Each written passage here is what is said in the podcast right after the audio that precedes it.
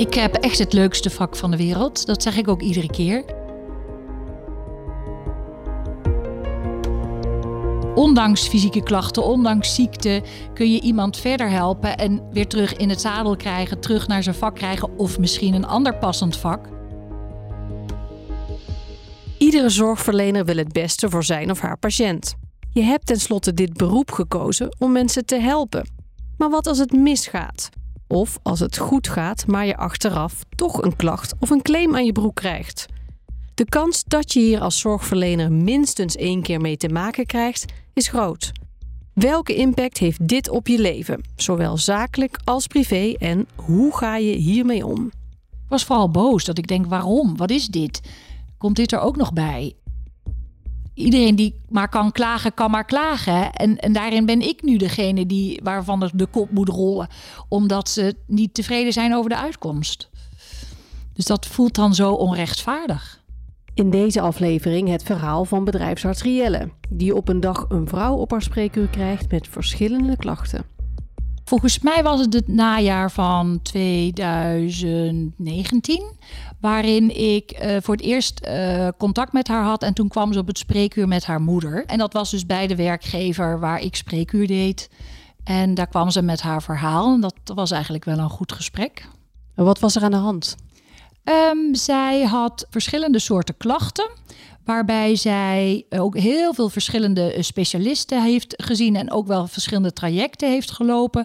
Waarbij zij eigenlijk uh, zelf vond dat ze het eigen werk niet meer kon verrichten. En daarvoor kwam ze bij mij. Ze had ervaarde heel veel klachten, dus daar is ook wel een multidisciplinair traject opgezet. Uh, maar daar zat ook een heel groot stuk van: ik kan het niet aan om te werken en het te combineren met mijn thuis. Um, waarbij zij ook het gevoel had van: ja, maar iets anders wil ik ook niet. dus dan houdt het hier op. Uh, terwijl als bedrijfsarts wil je gaan kijken wat kan er wel, welke mogelijkheden zijn er. Zijn er nog mogelijkheden om je belastbaarheid te verbeteren? En we moeten dan gaan kijken naar wat wel en daar moet je de stappen voor zetten. En hoe ging dat verder, dat contact? Ja, dus op een gegeven moment is dat uh, multidisciplinaire traject afgerond. Maar toen begon corona. En daardoor um, waren er geen fysieke spreekuren meer en heb ik daarna haar telefonisch gesproken. En telefonisch is altijd moeilijker, althans ik vind het lastiger.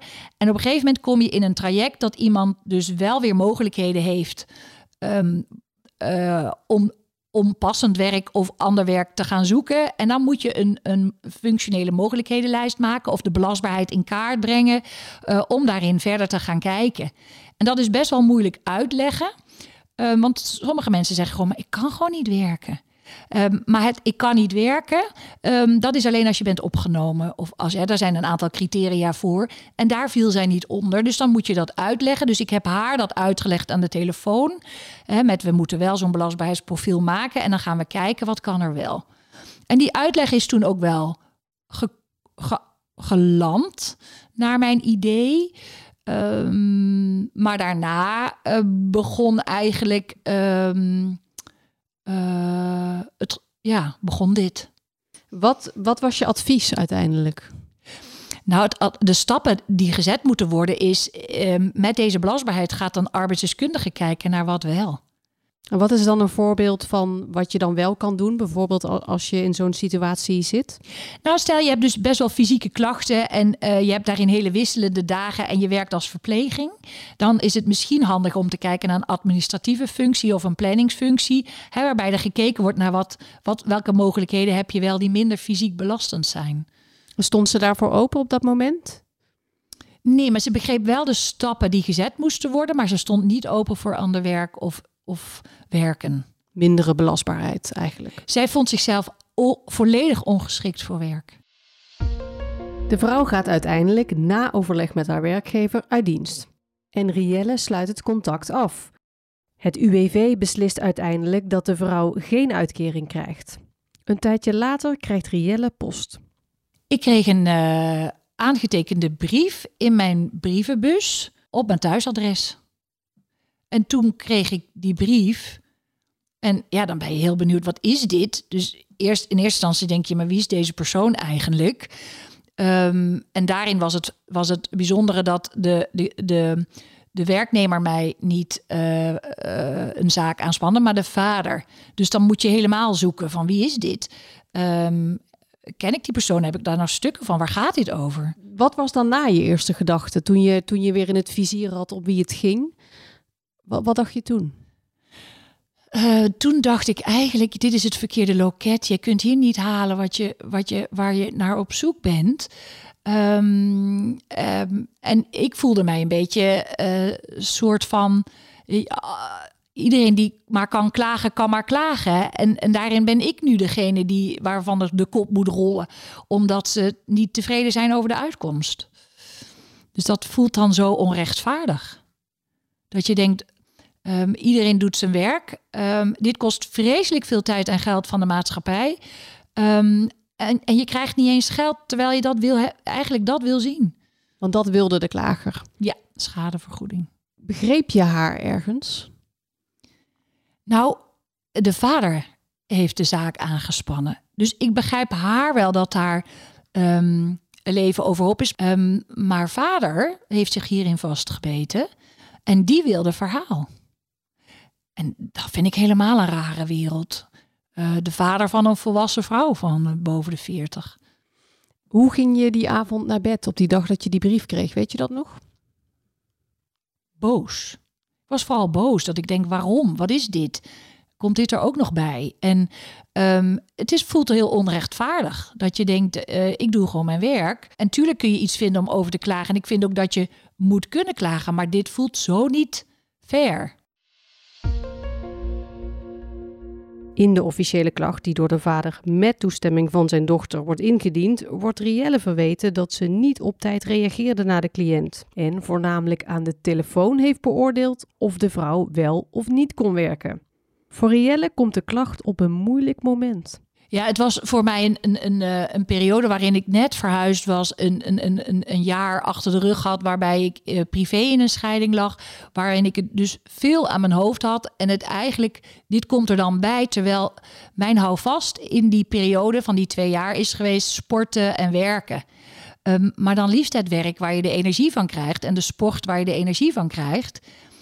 En van dit soort zaken krijg je geen energie. Dit moet je eigenlijk buiten werktijd erbij doen. Het kost vreselijk veel tijd.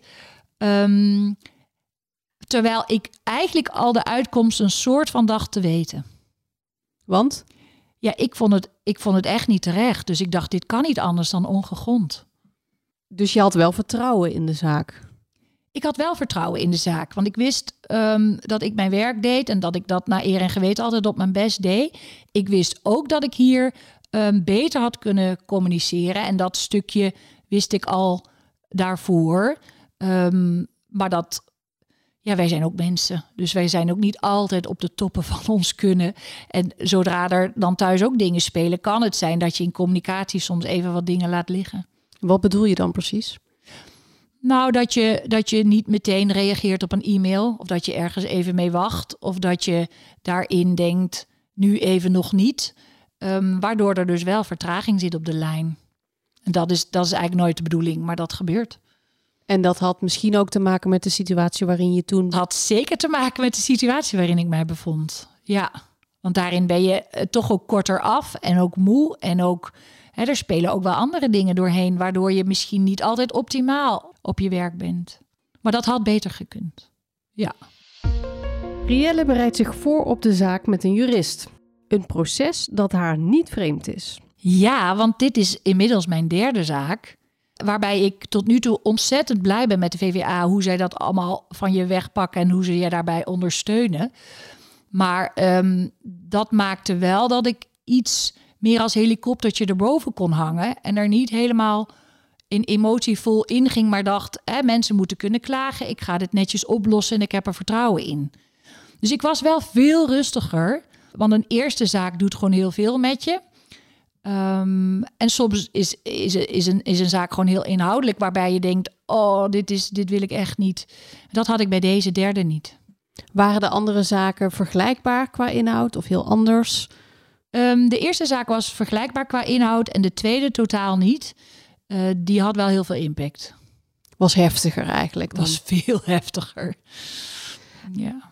helpt je dat dan in de voorbereiding op zo'n zaak, op zo'n derde zaak? Ja, absoluut. Hè? Je moet gewoon heel uh, goed uitzoeken. Je moet je, je moet je laten helpen. En je moet als een helikoptertje erboven gaan hangen.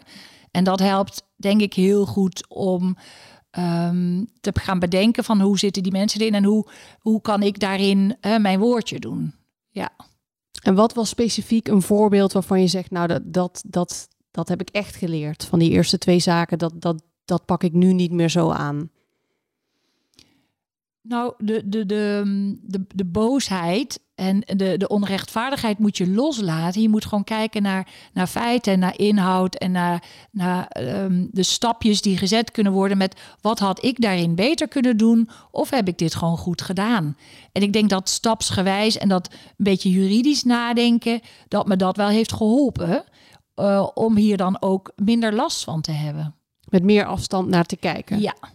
Ik heb er eigenlijk van gemaakt, um, wat zou ik hier inderdaad beter hebben kunnen doen, zodat ik er ook iets aan heb en het niet alleen maar negatieve energie is en niet alleen maar um, modder, maar dat je puur gaat kijken, maar kan ik hier zelf nog iets uithalen? Dus zo heb ik hem maar benaderd.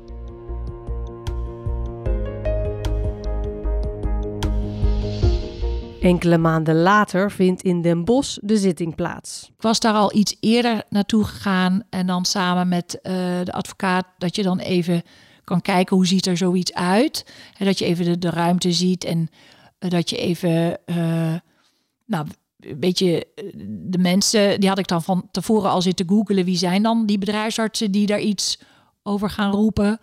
Nou, dat gaf ook vertrouwen, want die namen herkende ik ook. Hoe voelde je je op die dag? Die dag was ik heel, heel rustig. Ik wist wel dat ik heel veel. Um, ja, de, eerste periode van zo'n zitting is dat een, um, de klager het woord krijgt. En ik wist dat dat het stuk is waarin je het over je heen moet laten komen en niet moet reageren en het maar gewoon even moet laten gebeuren. En um, dus daarvoor had ik me ook voorbereid met ik, ik, ik ga daarheen en, en dat, dat komt wel goed. Was je gespannen? Ja, al, ja, je zal altijd wel wat gespannen zijn, maar ik voelde me wel rustig uh, door mijn raadsvrouw.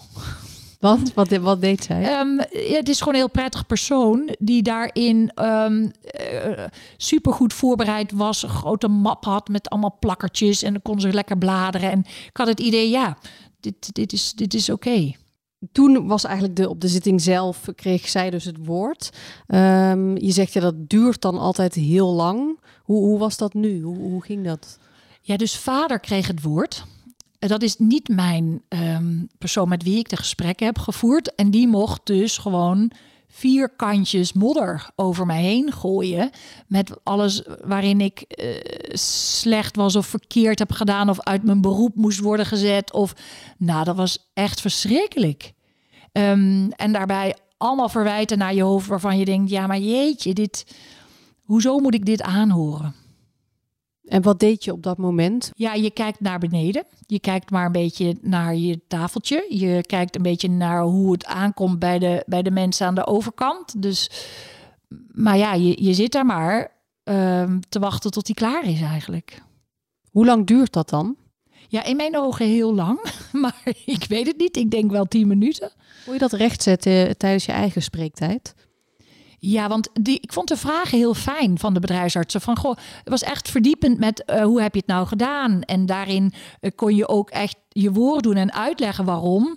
En daarin is, is, is de klager ook echt onderbroken van nu moet u stoppen. Want dit gaat echt te ver. Wat u nu doet kan niet. Um, zij doet gewoon haar werk. En hier mag u nu niet zo over op reageren.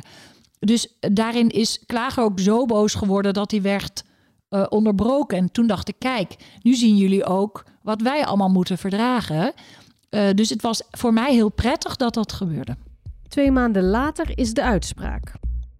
De klacht over het telefonisch beoordelen van de cliënt wordt ongegrond verklaard. Maar de klacht over nalatige communicatie is wel gegrond volgens de tuchtrechter. Hoe voelde je bij die uitspraak? Ja, prima. Ik denk, ja, weet je, het is aan iedereen om tijdig en volledig te reageren. Dus daar mag je echt wel iets over zeggen. En alle andere dingen waar die echt voor mijn vak specifiek zijn, die zijn ongegrond. Ja, ik, ik, ik voel dat dan wel een beetje als kijk. Weet je, ik doe gewoon toch mijn werk goed. En ehm, eh, eh, jullie moeten niet zomaar allemaal klagen, want het wordt echt niet altijd maar gehonoreerd.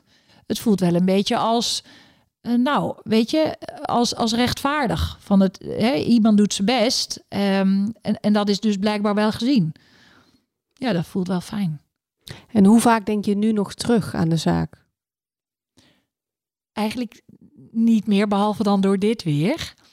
Ehm, of als een collega uh, weer met een zaak komt, dat ik denk, oh ja, jeetje. Ja, en dan probeer ik ze daarin te ondersteunen, maar alleen dan. En na die drie tuchtzaken die je hebt gehad, maakt je dat uiteindelijk meer gelaten of juist heel erg strijdbaar?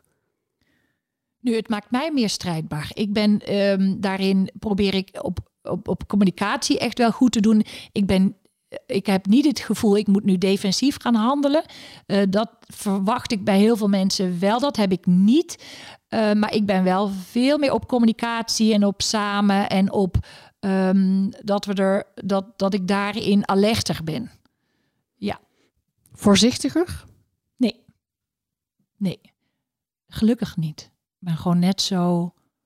Uh, nee, dat heb ik niet wel veel, um, veel meer op, op communicatie. Een verbale uitleg, veel meer informatie geven waarom, veel meer um, proberen erkenning te geven voor de klachten, maar dan toch uh, uh, mijn besluit uitleggen met onderbouwen. Dus heel veel informatie. Dus de gesprekken duren misschien langer. Dus meer, meer tijd vanuit jou? Meer tijd. Ja. En zijn er nog dingen binnen het proces waarvan je zou zeggen, want je hebt best wel wat ervaring nu met drie, dat moet echt anders? Ik denk dat het veel meer mag gaan over um, uh, in zo'n raadkamer al. Uh, bij de tuchtzaken van is deze, is deze zaak wel uh, klachtwaardig of zo? Of moeten we hier onze tijd en geld in investeren? Of is dit is, dit, is dit een onrechtvaardige zaak? Maar ja, dat is natuurlijk heel lastig. Iedereen weet dat meer voor zich. Maar ik vind het nu wel ver gaan. Uh, je mag ook de dokter zien als een mens die zijn best doet. En dan moeten we niet allemaal maar over klagen als je het niet eens bent met een uitkomst. Heb je uiteindelijk nog met de klager of met de vader gesproken? Nee, er is nooit meer contact geweest. Nee. Zij zijn ook na de zitting eigenlijk um, uh, als eerste vertrokken, geloof ik. En ik daarna. En ik heb nog wel nagebabbeld met de, met de raadsvrouw en even koffie gedronken. Um, en toen zijn wij ook gegaan. Dan zijn we bij de laatste vaste vraag die we aan alle deelnemers van deze serie stellen. En dat is: wat zou je willen meegeven aan iemand die dit ook meemaakt of misschien nog gaat meemaken? Ja, ik denk dat je um, dat het ontzettend fijn is als je er als een helikopter naar boven kan hangen en als je voor jezelf daarin um, er iets uit kan halen waar je wel energie van krijgt, een soort leerpunt of zelfreflectie, um, waardoor je het als een soort opdracht ziet om jezelf te ontwikkelen. Um, en zorg alsjeblieft voor een goede raadsvrouw met een goede verstandhouding, uh, waarbij je elkaar uh, vertrouwt en je dus daar met een gerust hart kan zitten. Want je krijgt wel veel over je heen. Heb je, en dan heb ik toch nog een laatste vraag, maar heb je ooit gedacht, ik stop ermee met, uh, met mijn vak? Nooit. Nee, ik heb echt het allerleukste vak. Ik ga nog heel lang door. Nee, ik ga echt niet stoppen. Nee. Dit was het verhaal van Rielle. Wil je meer verhalen horen over zorgverleners die een klacht of een claim kregen? Beluister dan ook de andere afleveringen op vvaa.nl/slash operatieaangeklaagd. En abonneer je op de podcast.